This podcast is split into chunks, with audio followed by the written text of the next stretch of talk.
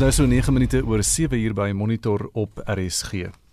En ons praat later vanoggend met François Engelbrecht oor klimaatsverandering, maar intussen iets anders.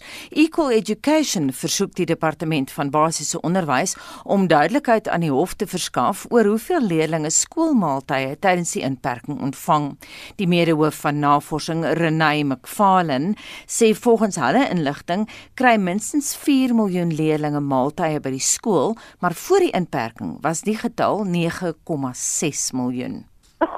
Probleem op die oomblik is dat die getalle wat ons van die departement en die provinsiale onderwysdepartemente ontvang het, ongelooflik teenstrydig is en dat getalle wat byvoorbeeld in die hofdokumente verskaf word ook nie noodwendig ooreenstem met wat in die parlement gesê word nie. Volgens die hofdokumente is daar ongeveer net oor die 4 miljoen leerders wat op die oomblik maaltye ontvang in die periode net voor die laaste groep leerders skool toe gegaan het. Maar die departement het ook vir die parlement gesê dat daai getal nader aan 7 miljoen uh leerders is. Ons verwag natuurlik dat getalle nou toegeneem het met die dat alle leerders nou terug is by die skool, maar ons het ook aan die departement geskryf om te sê dit is baie belangrik dat ons akkurate getalle het vir hoeveel leerders kos ontvang en dat hulle stappe neem om die kwaliteit van die getalle wat hulle voorsien te verbeter en te verseker dat dit konstant bly. En in daardie brief watter stappe het julle genoem? Ons het byvoorbeeld gesê dat die departement beter stelsel in plek moet hê om die uitdeel van maaltye te monitor.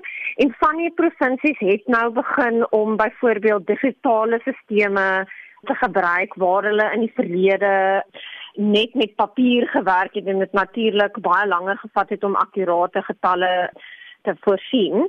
Maar ons het ook gesê dat hulle baie duidelik moet maak byvoorbeeld oor watter tydperk hulle verslag doen en of die getal verwys na alle leerders of net leerders wat by die skool kos ontvang of net leerders wat by die huis kos ontvang. Sulke tipe detail is nie op die oomblik in die departement se verslag duidelik nie.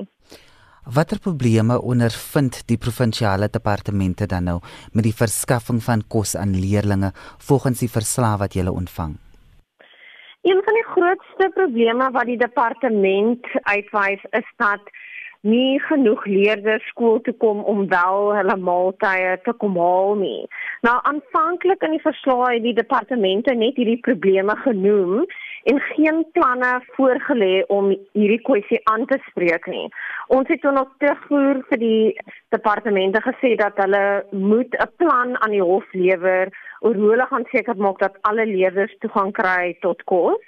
Daar was bemoedigende ontwikkelinge, byvoorbeeld provinsiale departemente het kommunikasieplanne opgestel om seker te maak dat leerders weet dat hulle kos by die skool kan kom haal en in gevalle waar daar vervoer beskikbaar is dat hulle weet hoe om toegang te kry tot daai vervoer en ook watter stappe by skole geneem word om te seker te maak dat voedsel op 'n veilige manier uitgedeel kan word want die departement het gesê baie ouers is te bang om hulle kinders skool toe te stuur vir veiligheidsredes. Watter tipe kos of kossoorte ontvang die leerders as deel van hierdie skoolvoedingsprogram? Daar's 'n raamwerk wat sê dat elke maaltyd wat aan leerders verskaf word, 'n proteïen en 'n stysel en 'n groente of vrugte komponent moet hê. Die proteïen sal byvoorbeeld 'n uh, lensies of bone of hoender of sardyne of 'n ander weergawe van proteïene wees en dan gaan dit saam met byvoorbeeld rys of pap of stampmielies of ander stysels en dan afhangende van die seisoen vars groente en vrugte. Die verslag wat die departement aan die hof voorgelê het sê dat soos wat hulle skole gemonitor het, het hulle bevind dat meeste van die maaltye aan hierdie kriteria voldoen.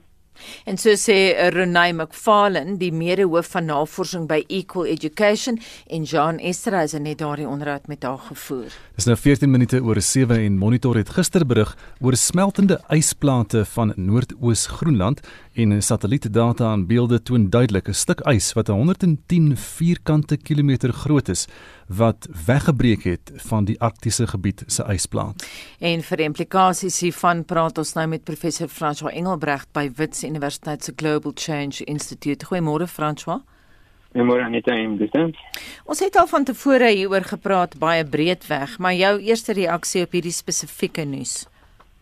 Hier is nou net 'n hele stroom slegte nuus vir die afgelope somer. Dis 'n somer in noordelike halfrond wat die wêreld uitgeslee het. Ek kan miskien net begin deur te noem dat 2019 en was direk die tweede warmste jaar nog ooit gemeet deur die mens. Dit lyk asof 2020 nog warmer gaan wees, alhoewel 'n bietjie koeler as die warmste jaar 2016. En tydens die tydens die twee besondere warm jare was die temperature dan ekstra hoog oor die arktiese gebiede van die noordelike halfrond. En om die waarheid te sê, die laaste twee somers het rekordbrekende temperature gebring na die noordoostelike gedeeltes van Groenland. En dit het waarskynlik direk daartoe gelei dat ons 'n groter tempo van wegsmelt van die Groenland ysplaat en die gletsers gesien het. En nou spesifiek hierdie stuk ys van nou jy nou verwys het, dit was voorheen die sogenaamde spalte gletser van Groenland. Maar dit is as ware 'n stuk van die ysplaat wat op die see dryf. En dit het nou losgebreek van die van die ysplaat self en en hierdie hierdie aanvanklik was dit hierdie enkele groot stuk ys van 110 vierkante kilometer intussen het versplinter en vele kleiner ysbergies. Maar dit is maar net nog 'n teken dat die wegsmelt van die Groenland ysplaat aan die versnel.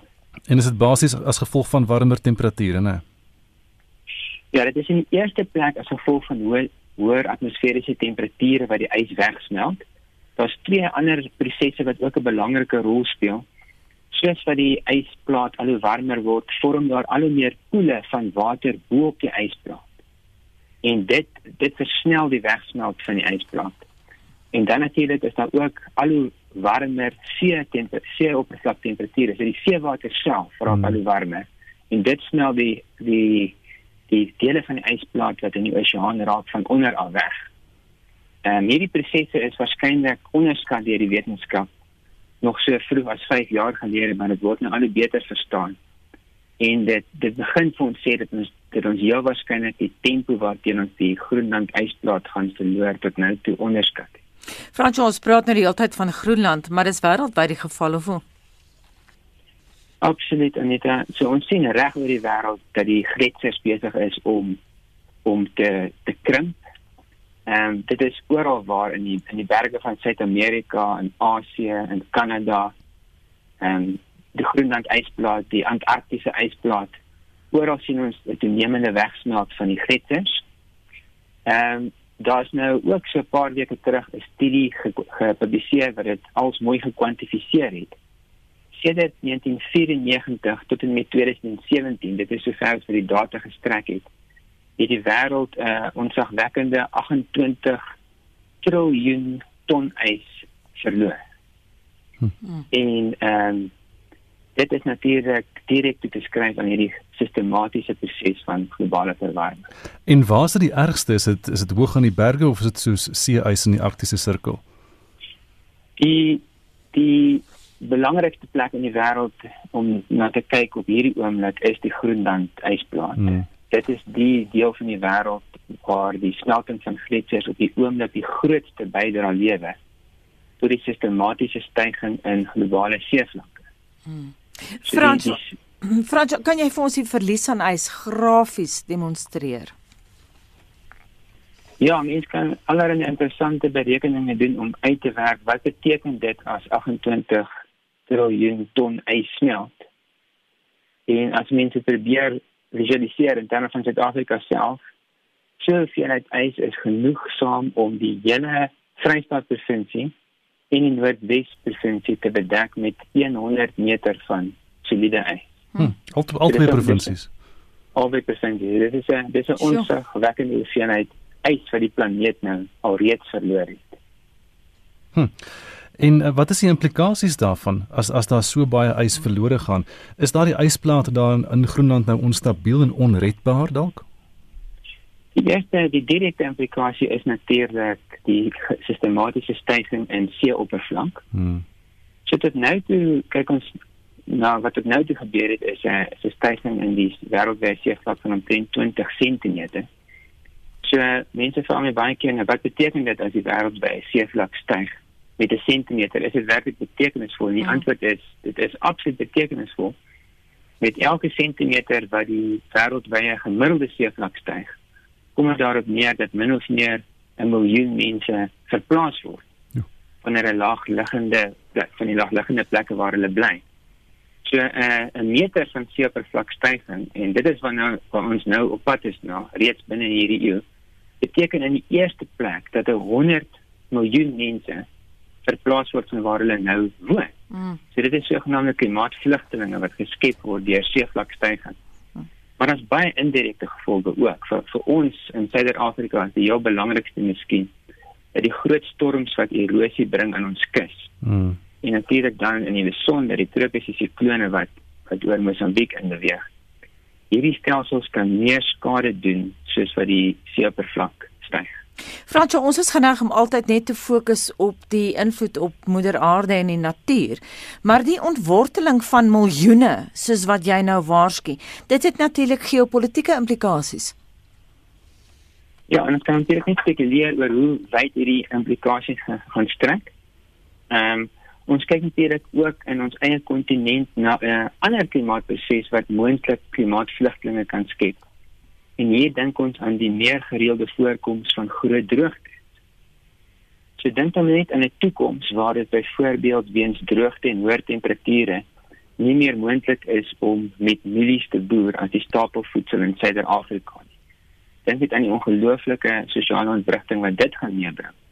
Of dink dan net aan 'n meer kortstondige effek, ons hoop meer kortstondig van 'n 3 tot 5 jaar lange droogte wat 'n dag zero gebeurtenis bring vir die Gauteng provinsie. Dink net aan die ongelooflike ekonomiese en sosio-maatskaplike impakte van so droogte en ongelukkig as gevolg van globale verwarming raak die waarskynlikheid van hierdie tipe droogtes in Afrika al hoe groter.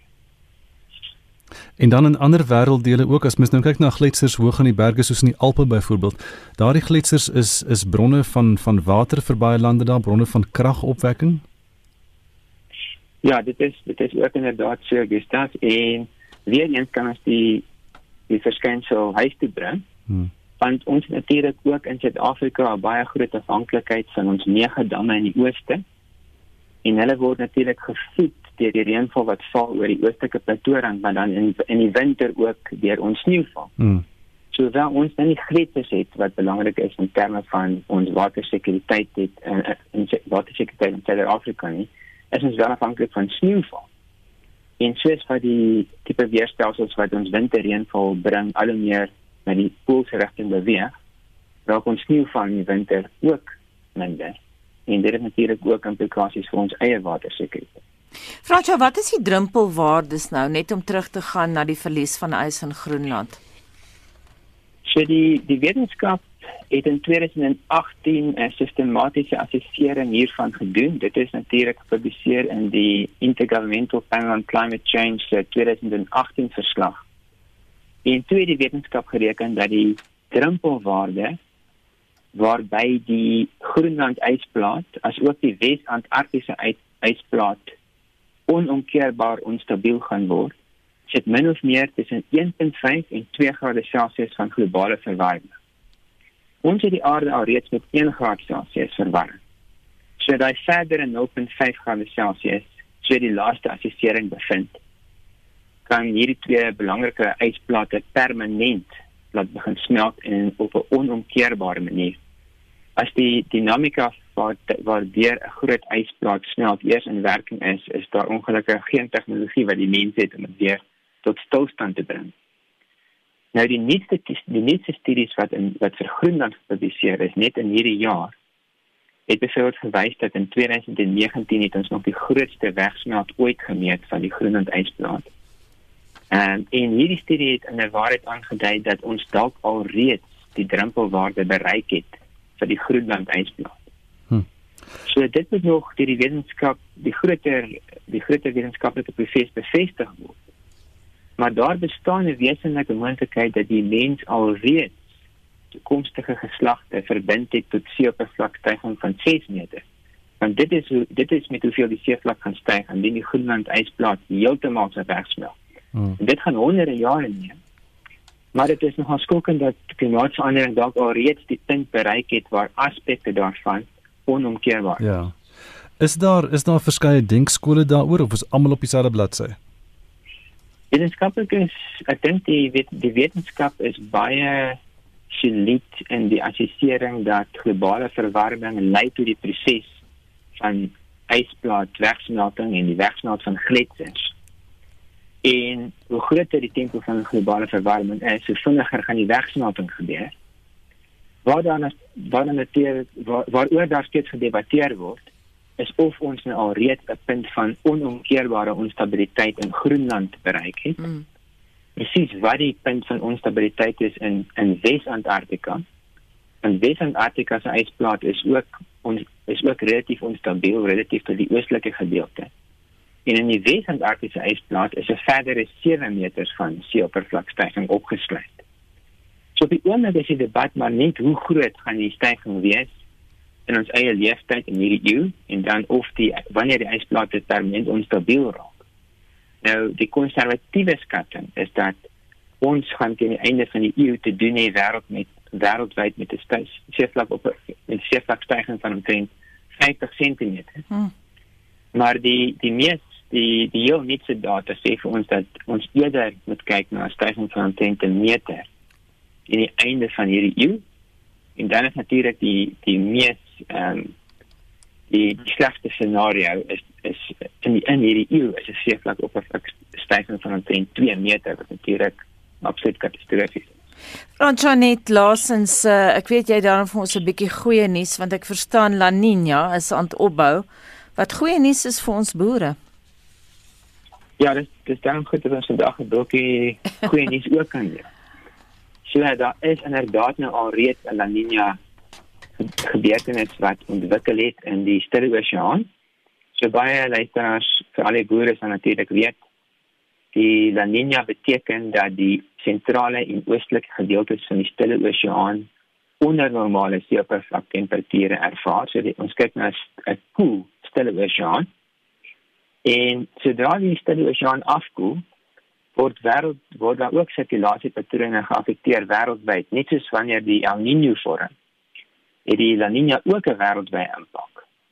Nou, anders as in die geval van El Niño, bring La Niña meestal vir ons gunstige toestande vir reënval. En die besonder sien ons dat in 'n La Niña jaar vorm weerstelsels soos die Angola laagdrukstelsel ehm um, meer gereeld of meer intens In die algemeen kry ons meer gereeld die vorming van groot wolkbande oor Suider-Afrika wat strek van tropiese Afrika al die pad suid oor Suider-Afrika tot kos tot in die Indiese Oseaan. So dit is presies die tipe weerpatroon wat goeie en wyd verspreide reënval bring na Suid-Afrika. So eintlik is die voorspelling dat hierdie La Niña gaan versterk en gaan voortduur dwars deur ons lente en somer. So gewoonlik en ek ek plaas dit klem op gewoonlik is dit goeie nuus vir Suid-Afrika. Baie dankie en so sê professor François Engelbrecht van Wits Universiteit se Global Change Institute. Dis 28 minute oor 7 en ons het vroeër in die maand berig oor hoe die Kumba ysterertsmyn in die Noord-Kaap vroue as boeroperateurs aangestel het. Een van die eerste vroue wat hierdie werk by Kumba aangepak het, is Veronica de Koker. Vincent Mofokeng berig. Kumba myn het 'n span van net vroue as boeroperateurs aangestel. Veronica de Koker is een van die eerste vroue wat die bedryf betree het en sê dit was aan die begin baie intimiderend. Firstly, I was only interested in working for Roson in any position that suits my qualification. Upon my arrival at Roson, I was informed that the company needs to empower women in drilling. That's when I fell in love with drilling. Naturally, if you hear you'll be the first woman to be trained in a new age drill rig, Then I immediately became intimidated, but I have learned to calm myself down. De Koker sê sy sal vroue aanmoedig om die bedryf te betree. I am a proud operator for Rosond at Kumba Sishen mine. I drilled for iron ore to depth of 400 meters by using a new age drill rig. I find my job very interesting. I am proud in becoming the first lady operator in exploration for Rosond. Working in an all-lady crew definitely bring different dynamic to the team. With the new technology, women are now able to work in what was a man's world. I encourage more women to work in mines. Intussen sê Stuart McGregor, die hoof van eksplorasie by Kumba, dat hy graag in die toekoms 25% meer vroue wil aanstel. Most definitely. The plan at the moment is to to try and bring in about 25% ladies in the current uh, of the total contract that um, will be doing for us over the next 5 to 6 years. We would love to bring in more ladies as we bring in these original crews. We are learning, you know, the way we need to maybe tweak a little bit of training, any changes that we need to need to make, you know, for the ladies. But they will also become the trainers for the new lady crews that come in after them. And I think this is very important as well that they can share their knowledge and and give us direction on what kind of skills we should be looking for over and above, you know, the requirements that we have already. Veronica sê dat hulle goed opgelei is om die nuwe tegnologie te gebruik. My training was facilitated by well trainees. They were not harsh with me. They only expected me to be the best operator ever produced by Roson. I would say yes. Firstly, our government is serious about women empowerment everywhere, and especially where men were given preference over women. Mining presents a future for, for women's career. Dit was Veronica de Koker. Sy is 'n boeroperateur by die Kumba myn. Vincent Mofokeng, SAICanis. Dis die jy die vloer. Anita Johan skool sê die natuur laat nie met hom mors nie en sal homself balanseer. Klimaat verander die hele tyd. So beweeg die aarde van ystydperk tot ystydperk. Vuurspiewende berge het die grootste invloed op gasse in die lug en die mens met sy arrogansie kan niks daaraan doen nie. Kumratau laat weet vir ons soek eerder die oorsaak op ander plekke. Byvoorbeeld het die skuif van die magnetiese pole nie dalk iets hiermee te doen nie. Sal ook verklaar hoekom dit kouer word op laer dele van die wêreld. Eenet van Durban sê beperk die aanwas van die mens wêreldwyd en Lenet Rademeier Bosman stem saam met haar daar is net eenvoudig te veel mense op aarde. En Nico Foster sê kry China en Indië sover om hulle besoedeling te stop. Daar gaan elke jaar sowat 278 miljard ton ys verlore in Groenland. En wetenskaplikes meen hierdie sorgwekkende um, smelt van die ys kan aan klimaatsverandering toegeskryf word. Die vraag is nou wat nog gedoen kan word om die situasie om te keer. Stuur vir ons 'n SMS na 45889. Onthou dit kos R1.50. Gesels saam op ons Facebookblad by facebook.com vorentoe skynstreep ZARSG of WhatsApp vir ons stemnota na 076 536 6961. En nou nuus van 'n ander aard, die Gautengse ALR vir plaaslike regering, Lebogang Mahile, sê die provinsie sal veiligheidsmaatskappye en hommeltuie gebruik om grondbesettings te bekamp. Mahile sê Gauteng het meer as 11 miljoen rand aan sowat 1500 veiligheidswagte bestee vir 'n tydperk van 3 maande. Nou kyk hulle na ander maniere om onwettige grondbesettings te beveg, want volgens hom ruk dit nou hande uit. Jean Johan Estreus en hierdie besonderhede. Daar word verwag dat president Cyril Ramaphosa hierdie week sal aankondig dat die land na vlak 1 van die inperking sal beweeg. Dit is moontlik dat die nuwe regulasies uitsettings sal toelaat en daar word 'n klomp uitsettings in Gauteng verwag. Maile sê hulle het reeds die howe genader vir uitsettingsbevele wat hulle sal begin uitvoer. We also have eviction orders against the unlawful occupiers of unallocated housing units and empty stands in the following areas, to name a few Olive and Olivenholt Bosch, Flakfontein, Orange Farm, and Mafias. After the lockdown regulations have been relaxed, It means we will enforce these evictions. Die Johannesburgse metro het klaar 15 hofinterdikte verkry en werk daaraan om nog by die Hooggeregshof te kry. Besettings soos Rietfontein en Nana Plaas is nou voor die hof. Patrick Poppy van die munisipaliteit se behuisingsdepartement sê die probleem in Gauteng is dat mense hulle strukture in die nag oprig. You see structures in the morning that have been erected overnight.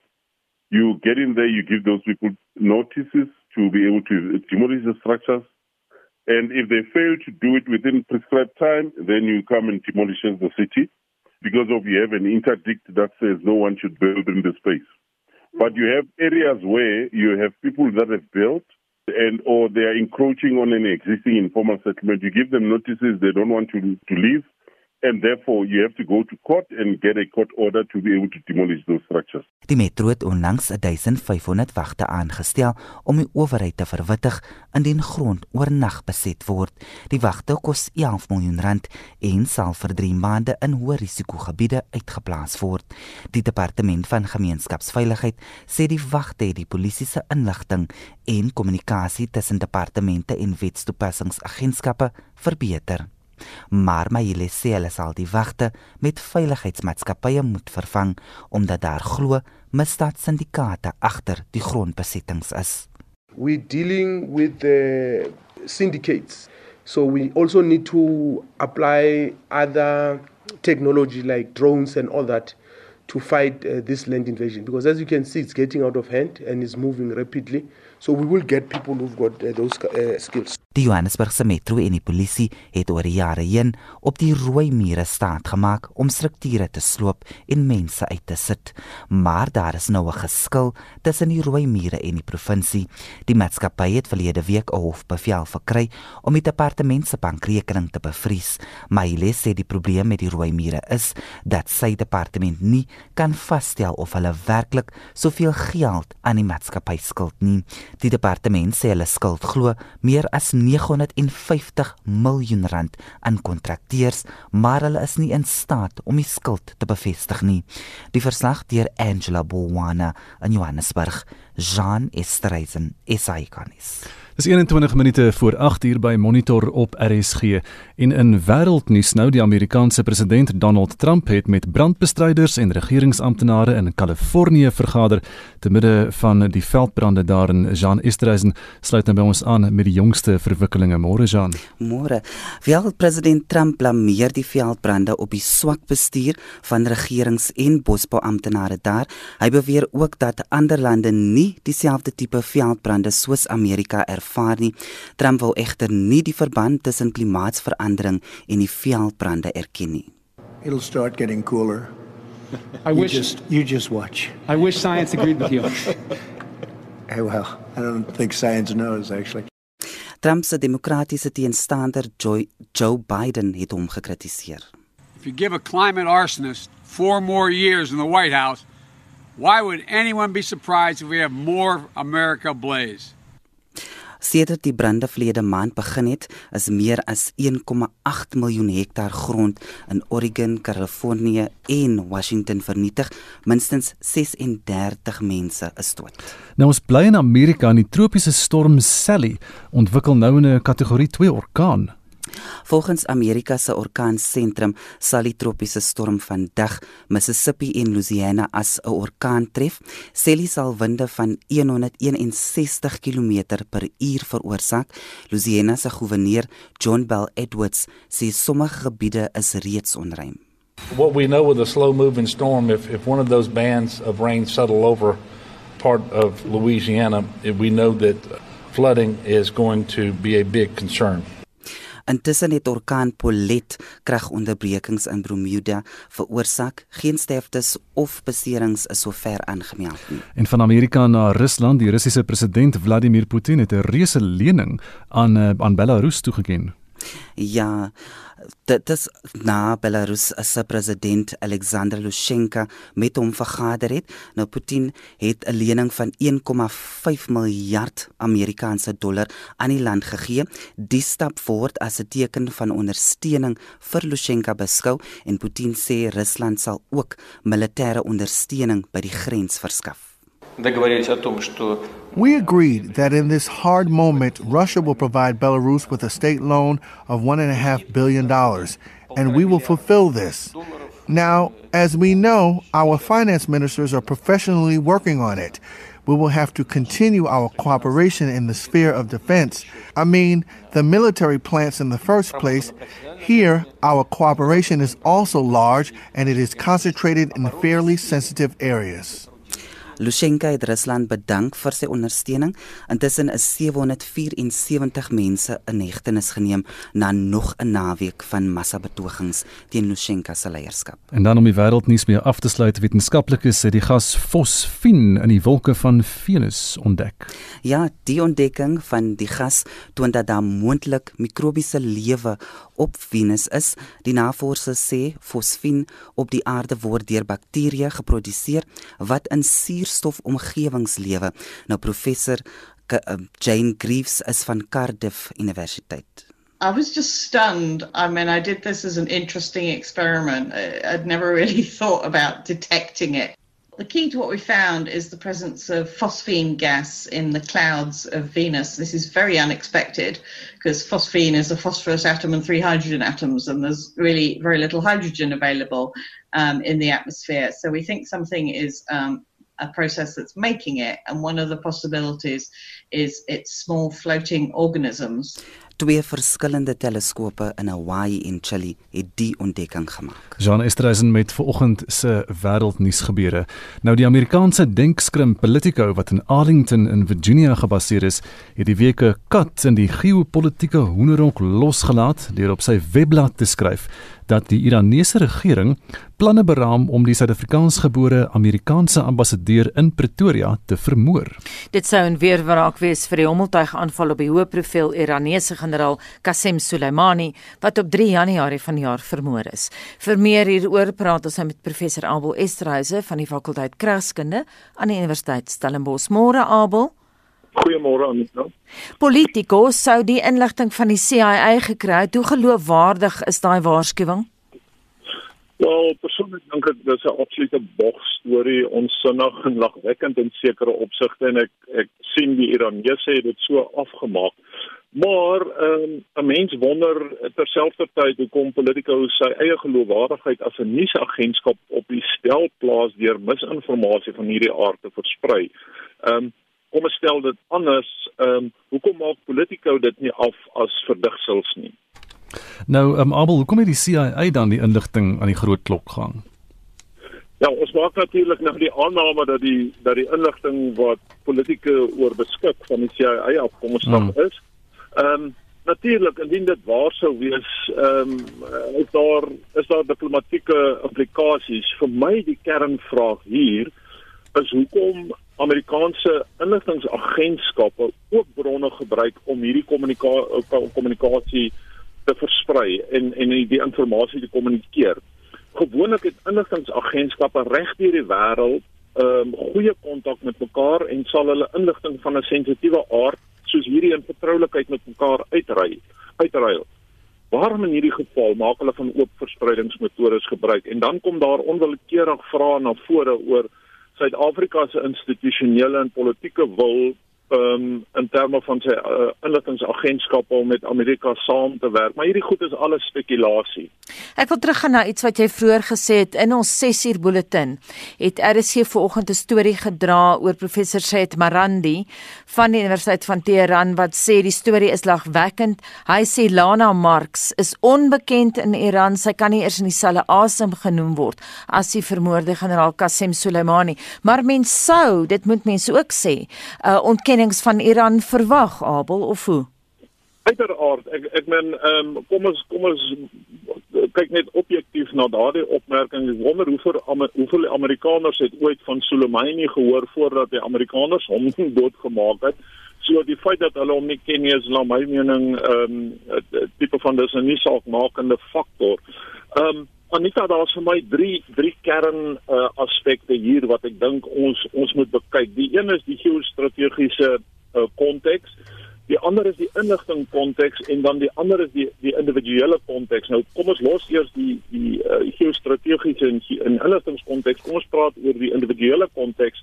Ehm um, die die ambassadeur is 'n persoonlike vriend van president Trump. Ehm um, die ambassadeur is op 'n snaakse manier aangestel, amper op 'n Suid-Afrikaanse manier, deurdat sy nie ehm um, 'n professionele ehm um, diplomaat is nie.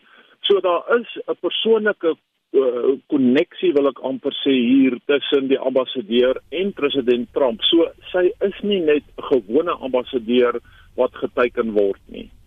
Nou 'n politico wat 'n baie geloofwaardige um, journalistiek onderneming is, beweer dat die Iranese ambassade in Pretoria betrokke sou wees by hierdie komplot. Sou dit waar kon wees? Uh, voor ek daardie vraag antwoord, wil ek net dit sê, 'n mens sou wou argumenteer dat politieke sluipmoorde moorde waarby ambassades betrokke is amper half 19de eeus is. Maar ons moet tog uh, in gedagte hou wat uh, ons so jare wat gelede in uh, Turkye gesien het waar die Saudiese politieke sluipmoord uitgevoer het um, by hulle konsulaat in in Istanbul.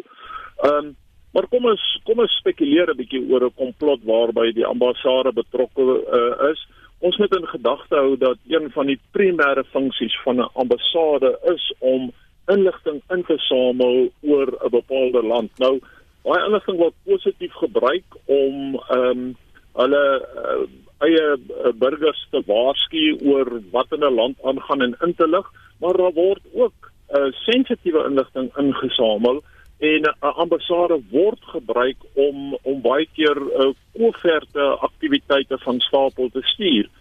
Ehm um, so so die ambassade kan betrokke wees, maar 'n mens moet ook en dis 'n belangrike punt. Mense moet ook onthou dat Suid-Afrika en Iran oor baie jare baie goeie verhoudings gehad het. Selfs uit die apartheidsera uit. Ons het primêr ons olie van hulle afgekoop vir voor 94. So ek sal ek sal twyfel of Iran werklik sy verhouding met Suid-Afrika op die stelsel plaas terwyl hiervan. Net op 'n praktiese vlak, die Amerikaanse ambassade in Pretoria lyk soos Fort Knox baie goeie sekuriteit. Ek meen dit is baie moeilik om as 'n joernalis daar in te kom. Jy weet self hoe kwaai die sekuriteit daar is. Hoe maklik sou dit wees om toegang tot ambassadeur Marx te kry? Wel, kom ons ek dink daar's twee punte wat 'n mens hier moet maak, uh, Amanda. Die die een is dat uh, ons moet in gedagte hou dat ambassades is net 'n werksplek vir diplomate. Ehm um, en dit sal uh, relatief dom wees van van enige instelling wat wat 'n terreuraksie van stapel stuur om dit naby 'n Amerikaanse ambassade te doen. Jy sal dit veel eerder wil doen waar die ambassadeur sê nou maar op reis is tussen haar huis en die ambassade of waar sy ontspan in die Kruger Wildtuin of ehm um, waar sy ook al beweeg in in Suid-Afrika. So dis die eerste punt wat ek dink 'n mens moet maak.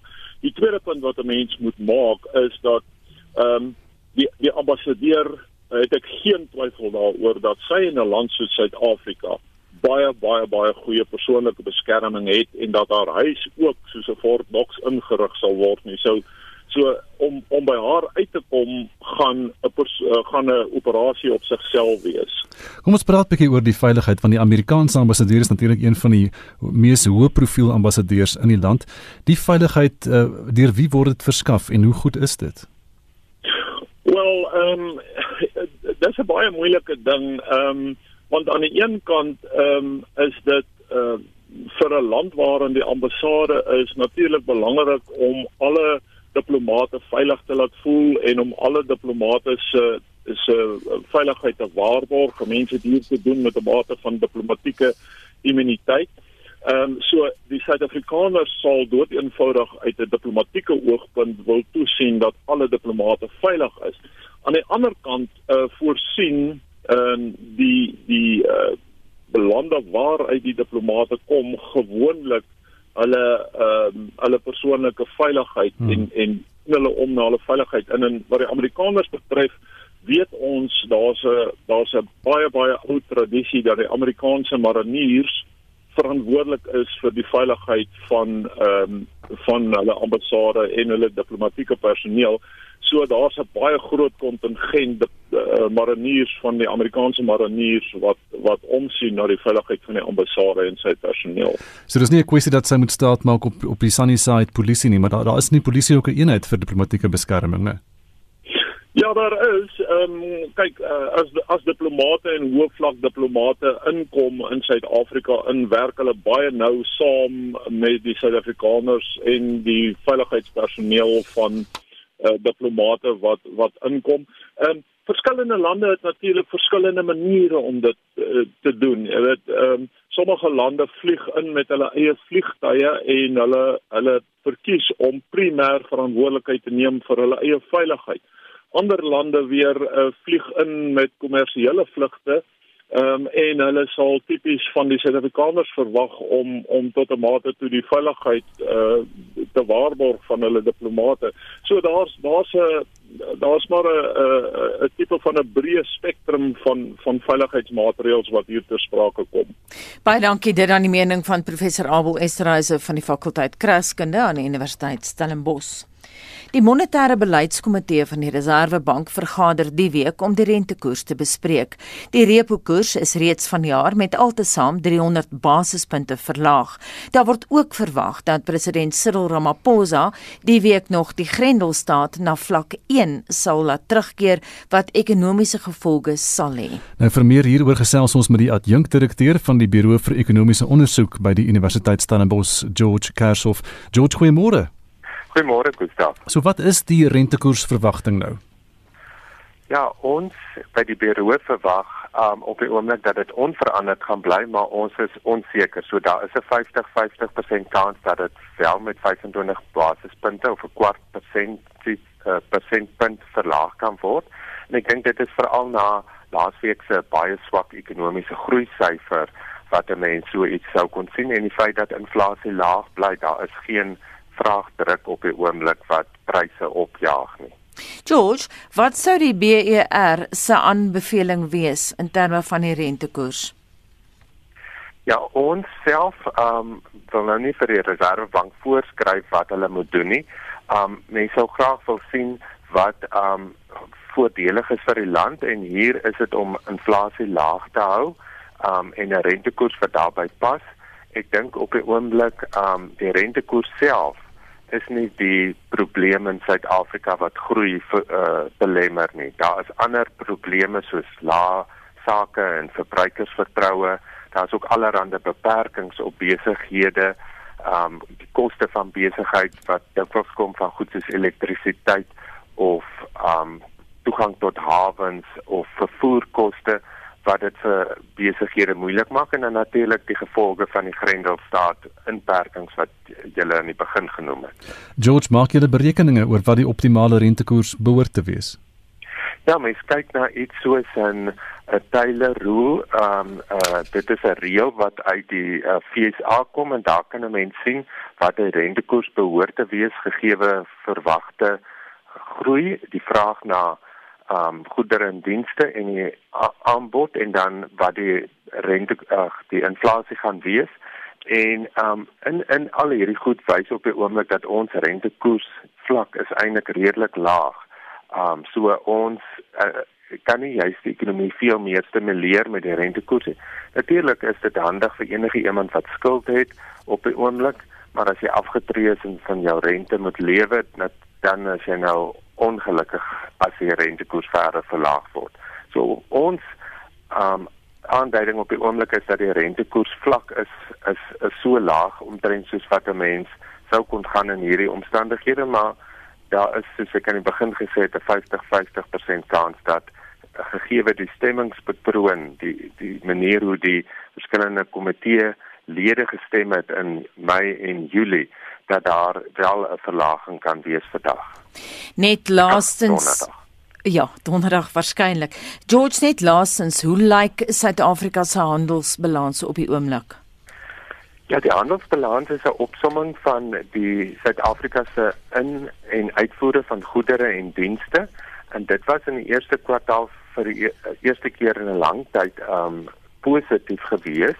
Um en uh, dit is nou dit bly nog steeds minder positief um in die die jongste syfers van um Suid-Afrika se invoere het bietjie opgetel en ons uitvoere het nie so goed gedoen nie maar dit help um alles met die um er, die hoë pryse van kommoditeite soos platinum, rhodium en wat ons uitvoer en dan die laer prys van ons ingevoerde goedere, veral olie. Baie dankie dit aan die mening van George Kershoff, adjunkdirekteur van die Buro vir Ekonomiese Ondersoek op Stellenbosch. Dis nou so 3 minute voor 8 en ons gaan hoor vir oulaas hoe lyk die terugvoer Estie? Gustaf Steven van Heerden laat weet vir ons die een kant van die aardverwarming saak is ontbossing, die vrystel van giftige of kwaadwillige gasse in die lug en die opwekking van elektrisiteit en of energie. Maar het iemand al gekyk na verstedeliking veral met betrekking tot refleksie van lig terug in die atmosfeer in as ook die absorpsie van hitte deur beton en teer. Louis van Groenvleis sê dit laat my wonder, gaan daar nie oor 100 jaar weer dalk 'n ystydperk kom nie dink aan die verlede. Johan Meiburg skryf: Ons kan nie veel doen nie want daar is elke jaar meer monde om te voer wêreldwyd en die goedkoopste maniere van energie vervaardig is nou die ongesondste, soos byvoorbeeld steenkool. So tensy iemand oornag die tegnologie ontwikkel om 'n hele stad se ligte vir 'n jaar aan die gang te hou met 'n glas water, gaan dinge nie vinnig omswaai nie. Barend van der Merwe skryf: Ek het gelees danksy klimaatsverandering het Homo sapiens begin vleis eet. Verbeel jou die lewe sonder 'n lekker ou skaapchoppie, potjie kos, curry afval en geelvet biltong. So klimaatsverandering is nie net sleg nie. Ons sou nou nog ons sou nou nog vrugte geëet het soos Adam en Eva. En as klimaatsverandering deur ons te doen verwarm, dan is ek bevrees die ergste lê nog voor. Al 7 miljard van ons jaag die standaard na van die rykes, groter, beter, vinniger, meer. Selfone verwoes die natuur want die metale moet gemyn word. Maar is jy bereid om sonder 'n selfoon te leef? En Christine laat weet die selfsugtige, onvergenoegde mens moet 'n drastiese gedragsverandering ondergaan. En dan laastens sê Louis van Groenvlei, dit laat my wonder, gaan daar nie oor 100 jaar O ek ek het nou alreeds Louis se kommentaar gelees. En is dan al van ons luisteraars vir uh, vandag. Baie dankie vir jou terugvoer. Nou ons laaste stem in die program behalwe nou vir die van Gustaf en my is Johnson vanoggend en ons wil weet hoe lyk Spectrum vanmiddag Jean? Wel, daar is groot druk op die Kaapse Metro om die watertariewe te hersien. Dis 6 maande van inperking en ons praat hier oor met professor Salim Abdul Karim en Eskom se voormalige maatskappysekretaris, dis nou Susan Daniels, getuig by die Staatskapingkommissie vandag.